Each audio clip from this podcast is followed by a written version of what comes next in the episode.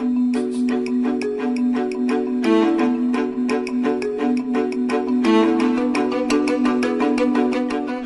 jy's by Rand en Sent op RSG 100 tot 104 FM waar ons lekker gesels en praktiese raad gee oor persoonlike finansies saam met my Helen Ukerman.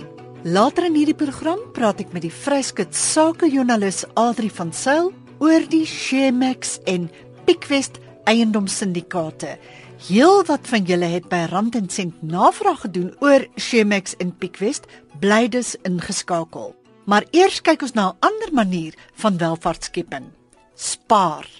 Spaar gaan nooit uit die mode nie en dit strek altyd tot jou voordeel om 'n lekker bedrag geld in jou spaarvarkie te hê. By ons in die ateljee vandag is Nico Kutse, uitvoerende hoof sakeontwikkeling en bemarking by PPS Investments en hy gaan vir ons meer vertel oor spaar, die verskil tussen spaar en belê en waarna jy moet oplet as jy wil sukses behaal. Welkom by ons Nico. Baie baie dankie Helen. Nico Jong, waarom is dit so belangrik dat mense spaar? Helen, dit is baie belangrik vir verskeie redes. Ek dink die groot rede waarom dit belangrik is om te spaar is om seker te maak dat ons genoeg geld het vir ons ou dag. Dit is regtig iets wat mense nie aan dink nie en wat hulle altyd uitstel. Die hoofrede vir spaar in 'n Suid-Afrikaanse konteks is vir aftrede. Ja, want ons staatspensioentjies is maar baie klein dit is maar bitter min. As mens net kyk na die syfers wat ons het in Suid-Afrika, as meeste mense het nie genoeg om mee af te tree in hulle lewensstandaard te handhaaf nie. So dit is belangrik dat ons dit meer na vore bring. Mense hoor ook altyd hoe ekonome praat oor hoe min mense spaar en hoe mense nou moet aangemoedig word om dit wel te doen soos jy sê. Waarom is dit vir die ekonomie so belangrik dat mense spaar? Ja, ek dink om dit te verstaan moet 'n mens besef dat daar's drie goed wat basies die ekonomie aan die gang hou. Dis die huishouding, die maatskappye, die private sektor en dan die regeringssektor. En daardie drie het almal kapitaal nodig vir die ekonomie om te groei. So hoe mens daardie kapitaal kry is dan deur te spaar. So om jou praktiese voorbeeld te gee is dat huishoudings weet ons weet hoekom hulle moet spaar om finansiëel vir hulle self te kan voorsien in die toekoms die um, private sektor moet spaar om seker te te maak dat hulle kapitaal het om te herbelê in hulle maatskappye en die regering moet spaar om seker te maak dat hulle geld het om te belê in infrastruktuur.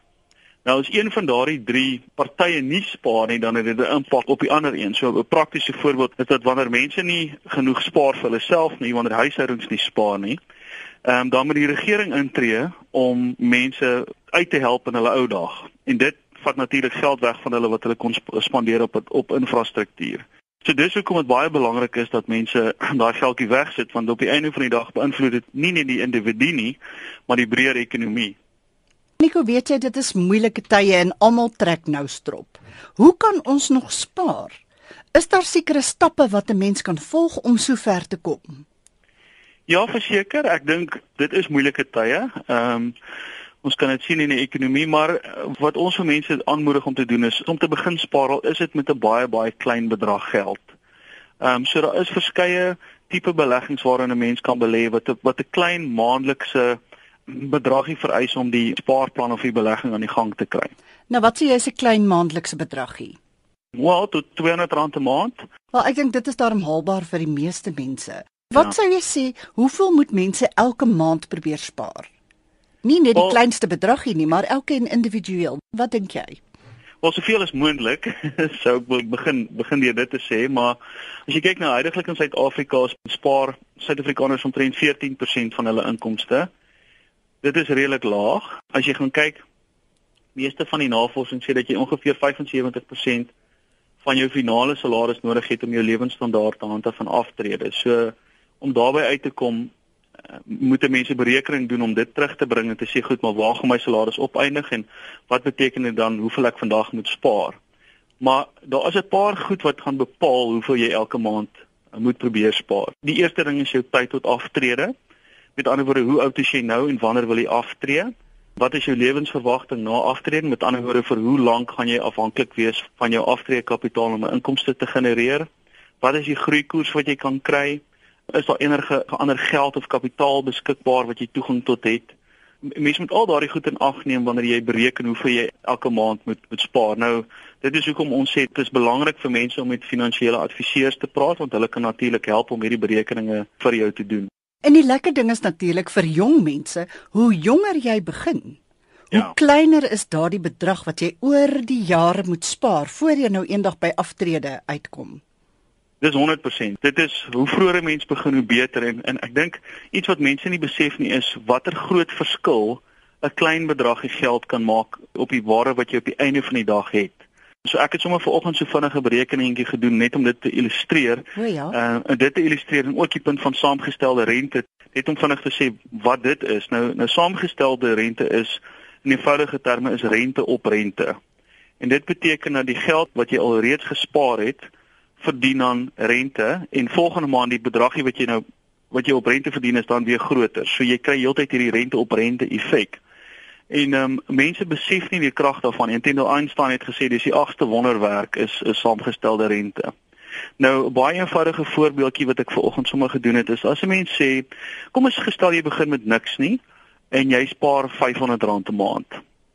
En ons ons werk met 'n groeikoers van so 10% per jaar wat ongeveer inflasie plus 4 is. So dis nie te aggressief of te konservatief nie, dis min of meer in die middel. Mm En wat is dan die verskil tussen wanneer jy R500 per maand vir 10 jaar spaar of R500 per maand vir 20 jaar spaar? Nou om jou idee te gee, jou R500 per maand teen 10% groei 'n jaar, gaan jy vir jou gaan so R102000 gee na 10 jaar. As jy R500 per maand spaar vir 20 jaar, gaan jy R380000 hê. So nou moet 'n mens gaan kyk, maar goed, hoeveel geld het ek ekstra aangesit om daai 380 te kry? So wat ons doen is ons sê maar goed, vat die geld wat ek het aan die einde en ek trek af die bedragie wat ek gespaar het. So al hierdie R500 per maand oor 10 of 20 jaar. So ons het gesê na 10 jaar het jy 102000 en jy het R60000 gespaar elke maand. Met ander woorde jou groei was 42000 gewees. Ja. Die, die ander een het jy geëindig met 380000, maar jy het net 120000 gespaar. Met ander woorde jy het 260000 rand se groei gekry. En dit So is dit- nou as jy oor al daai jare net R500 'n maand wegsit. Dis net R500 Ja.'n maand. So daai effek, daai groei effek, die verskil wat jy het tussen 10 en 20 jaar is 'n ekstra oor die 200 000 rand net wat jy kry uit die saamgestelde rente uit. Dis op 'n bedragie van R500. Nou hoe groter die maandelikse um, bedrag is wat jy spaar of belê, hoe groter gaan daardie impak wees. En uh, dit is regtig 'n punt wat ons veral by by jonger mense probeer bybring. So so PPS fokus op die professionele mark. So ons doen baie werk met met studente in hulle finale jare en om vir hulle te sê maar goed, as jy net met daai R200 nou kan begin of 25 versus uh, teenoor 30 jaar, jy kan jou aftrekkapitaal amper verdubbel net deur 5 jaar vroeër te begin spaar.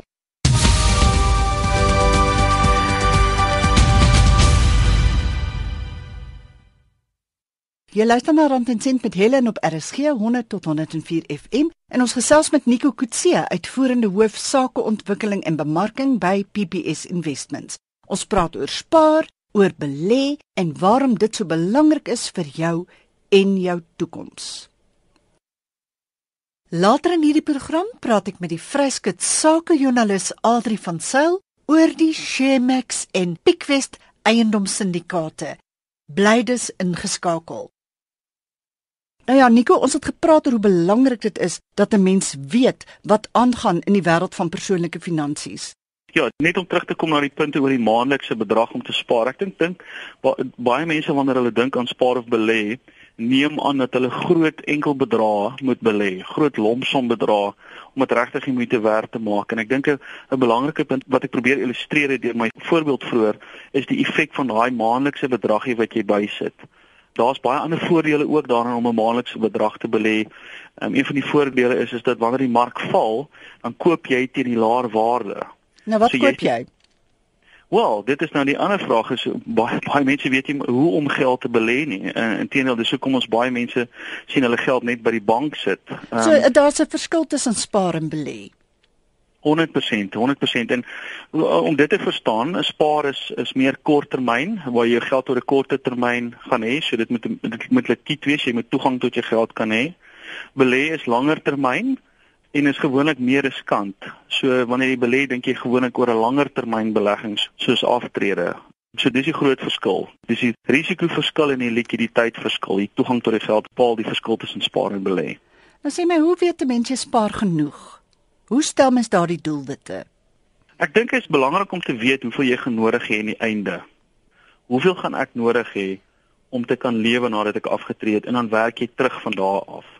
Mense moet dan elke jaar hersien om seker te maak dat dat jy nog steeds op koers is. En mens doen dit dan natuurlik met die hulp van 'n finansiële adviseur. Verseker, adviseur sal baie maklik vir jou kan sê, goed, indien jy 10 of 15 of 20000 rand per maand wil hê en jy 20 jaar oor, dit is die bedragie wat jy vandag moet ja. moet moet moet, moet wegsit om daar uit te kom. Wat sou jy aanbeveel vir beginner beleggers? Is daar sekere beleggings wat nou meer geskik is vir die wat nou vir die eerste keer wil begin belê? Ja, ek dink die um, effekte trust is 'n baie um, goeie belegging vir mense wat wil begin. 'n Spesifieke gebalanseerde effekte trust waar waar jy nie die beleggingsbesluite self neem, jy kies basies 'n fonds of 'n batebestuurder en hulle gaan besluit dan waar om die geld te belê. En om dit makliker te maak vir beleggers, is al hierdie fondse in verskillende kategorieë ingedeel. So jy kan sien hoeveel aandele blootstelling of hoeveel risiko verbonde is aan elkeen van hierdie beleggings. Jy weet die kleiner spaarders, die wat nou 200, 300 rand 'n maand kan spaar. Hulle het nou al vir my gesê nou ja, nou sit ons ons geld in die bank en nou trek die bank bankkoste af. Is dit nou nog die moeite werd? Word my geld nie nou op die ouend minder as meer nie? Dit is 'n geldige vraag en ek dink mense moet verstaan die fooie wat verbonde is aan enige belegging. Nou, eerstens as jy geld in die bank sit, dan belê dit waarskynlik in 'n tipe geldmark. So die koers wat jy kry en daai geldmark is na die fooie af is. Ehm um, en miskien wat ek eerder kan doen is miskien breedweg praat oor hoe fooie werk in spaar of beleggingsprodukte. En dit is 'n baie maklike dingetjie wat ek gebruik om dit vir mense te verduidelik en verskoon my maar dit dit werk maklik in Engels. Ehm um, dis dis dis ek praat altyd van die 3 A's wat jy moet betaal. Ja. So jy betaal vir advies, advice, Ja. Jy betaal vir asset management batebestuur en jy betaal vir administrasie. Ja. So, hy werk hy werk amper in Afrikaans, is net vir die vir die asset management. En daardie drie partye wanneer jy belê, dis die drie partye wat jou gaan vra. So om te bepaal of dit moeite werd is, moet jy seker maak dat wat jy daardie party betaal is in lyn met wat jy in die mark kan kry en om ook bewus te wees daarvan dat jy van daardie fooie kan onderhandel die fooie daar mag aanvanklike fooie wees en dan jaarlikse fooie wat afgetrek word. Nou enige belegging maak net sin as die groeikoers wat jy kry na kostes, nadat al die kostes afgetrek is, nog steeds die koers behaal wat jy nodig het om by jou eindbestemming uit te kom. Aanvangsfooie in Suid-Afrika vir administrasie en batebestuur is basies 0. Die adviesfooi is 'n fooi wat jy kan onderhandel met jou adviseur Dis gewoonlik tussen 0 en 3% wat er, wat hulle kan onderhandel. Op 'n jaarlikse basis sal jy sien jou administrasiefooie kan gewoonlik as jy meer as 0.5% betaal, 0.5.7% raak dit bietjie duur. Jou batebestuursfooie hang af van waar jy belê. So meer konservatief jy belê, hoe goedkoper, hoe meer aggressief vir duurder. Dis 'n baie makliker manier om dit te oh, okay. onthou. Ja.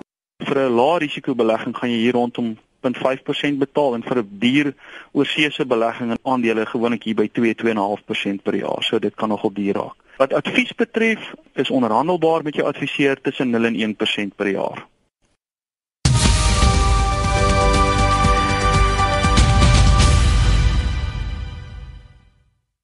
Jy's by Rand en Sent met Helen en jy kan my volg op Twitter by Handvatsel Helen Ukerman of op Facebook by Rand en Sent Helen Ukerman. Jy kan ook e-pos stuur na helen.ueck@gmail.com of as jy kommentaar of vrae het wat jy sommer direk na die ateljee toe wil stuur, stuur 'n SMS na 3343. Jy kan ook hierdie program in MP3 formaat van RSG se webwerf aflaai by rsg.co.za. Later in hierdie program praat ek met die vryskut sakejoernalis Adri van Sail oor die Shemax en Pickwest eiendomssyndikaate. Ons gesels nou verder met Nico Kutse, uitvoerende hoof sakeontwikkeling en bemarking by PPS Investments. Vandag se onderwerp is hoe om jou spaarvarkie lekker vet te mes. Die meeste van ons het 'n klomp skuld om af te betaal. Wat moet 'n mens se prioriteit wees? Skuld aflos of spaar?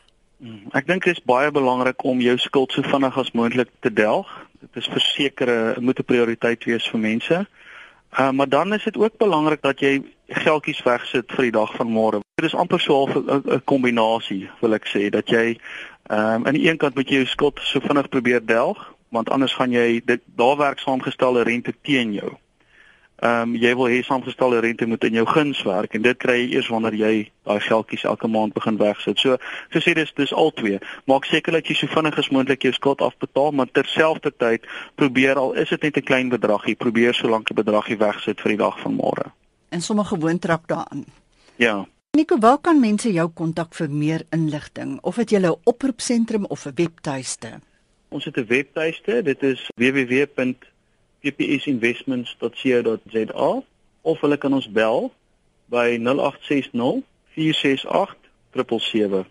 Nico, baie dankie, dit was goed om met jou te gesels. Dis 'n groot plesier Helen en baie baie dankie vir die geleentheid. Ek hoop ek kan die luisteraars oortuig om elke maand daarom 'n bedragie weg te sit. Ek dink jy het 'n paar sterk punte gemaak, Nico.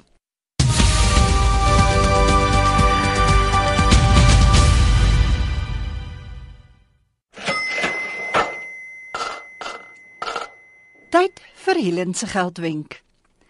Wil jy jou kinders meer van geld leer? Wees eerlik oor jou finansiële situasie. Die beste manier om kinders met geldsaake vertrou te maak, is om hulle te betrek by die realiteit. 'n Goeie manier om dit te doen, is om hulle in te sluit as die huishoudelike begroting bespreek word. Jy hoef nie al jou kaarte op die tafel te sit nie, soos om te deel hoeveel jy verdien nie, maar verduidelik hoeveel dit kos om die huishouding te bestuur. Hoeveel gaan vir kos en kruideniersware, die skoolgeld, klere, vermaak en so meer? Verduidelik byvoorbeeld waarom duur handelsmerkklere en skoene vir die kinders nie nou 'n prioriteit kan wees nie as jy ook einde van die jaar met vakansie wil gaan nie. So sal kinders vinnig leer dat geld nie aan bome groei nie en minder teleurgesteld wees as dit waarop hulle hulle harte gesit het nie onmiddellik bewaarheid kan word nie.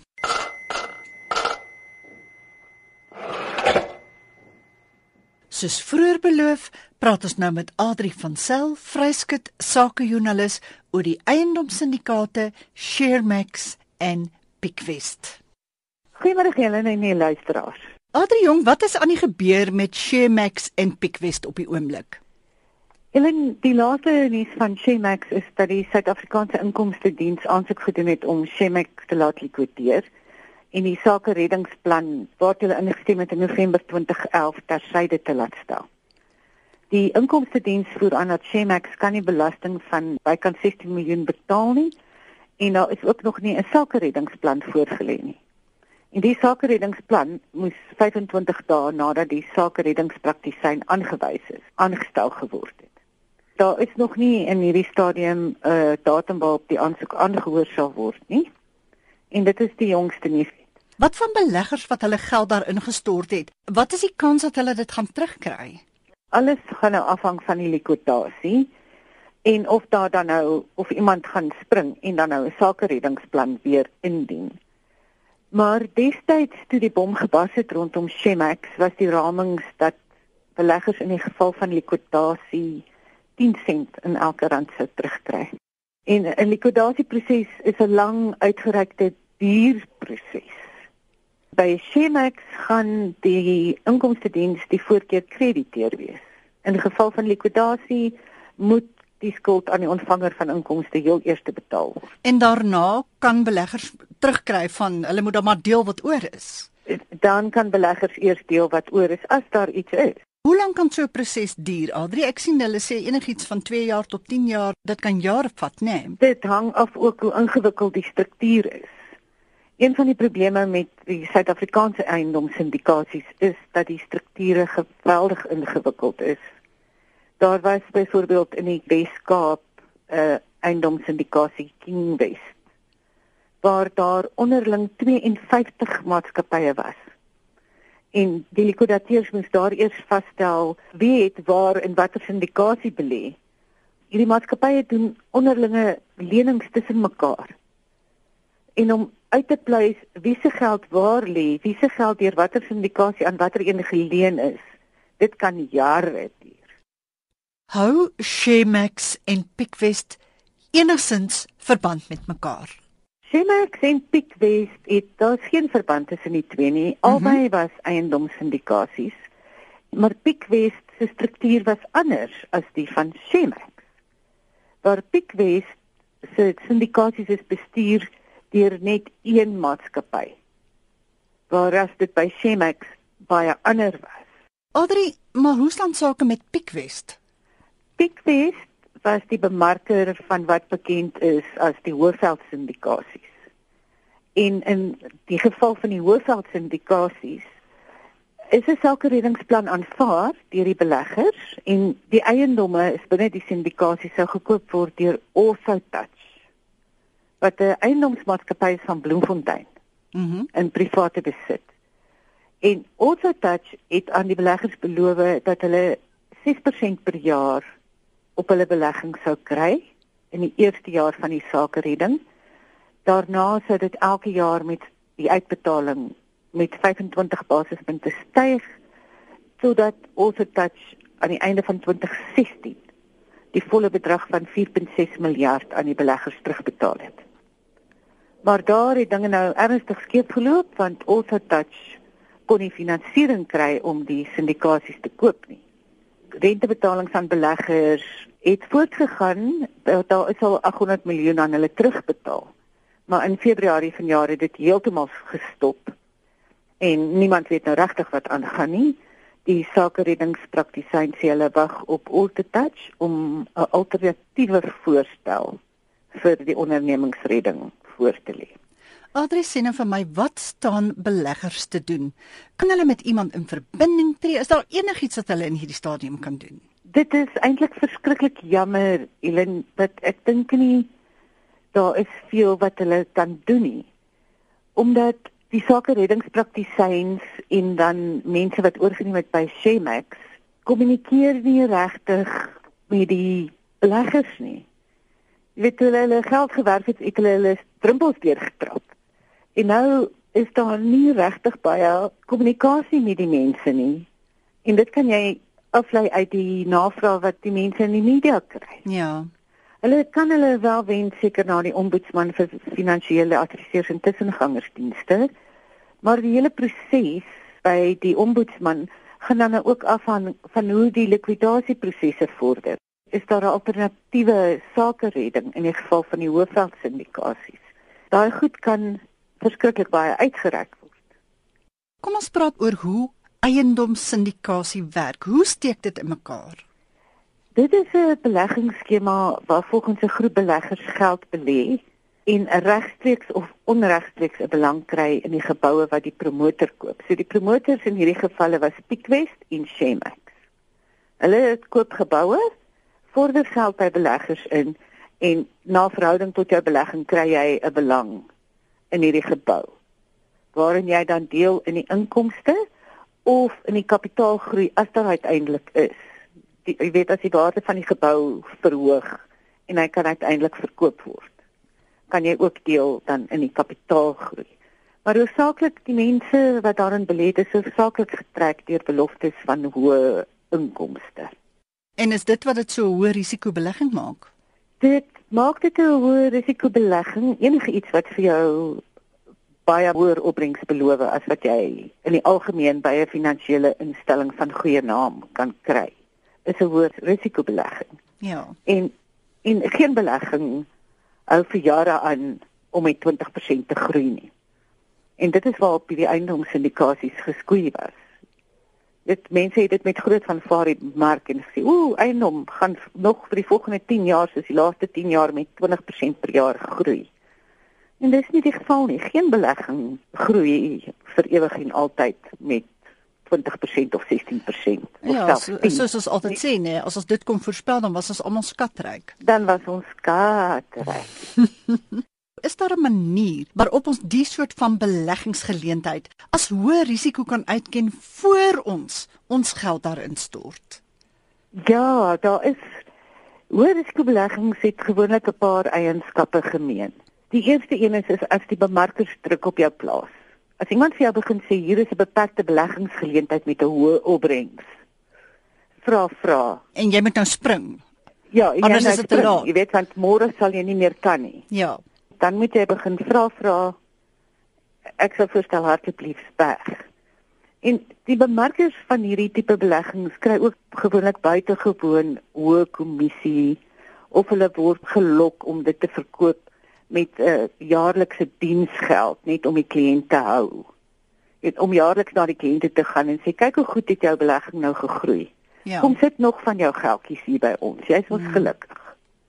En dan verdien die adviseur dan weer geld omdat hy na die kliënt omsien en hoë kommissie kry. Jy 'n goeie beleggingsproduk belê, gaan jy nie iemand kommissie van tussen 7 en 10% betaal om dit te verkoop nie. Onthou net dit is jou geld wat jy vir hulle gee.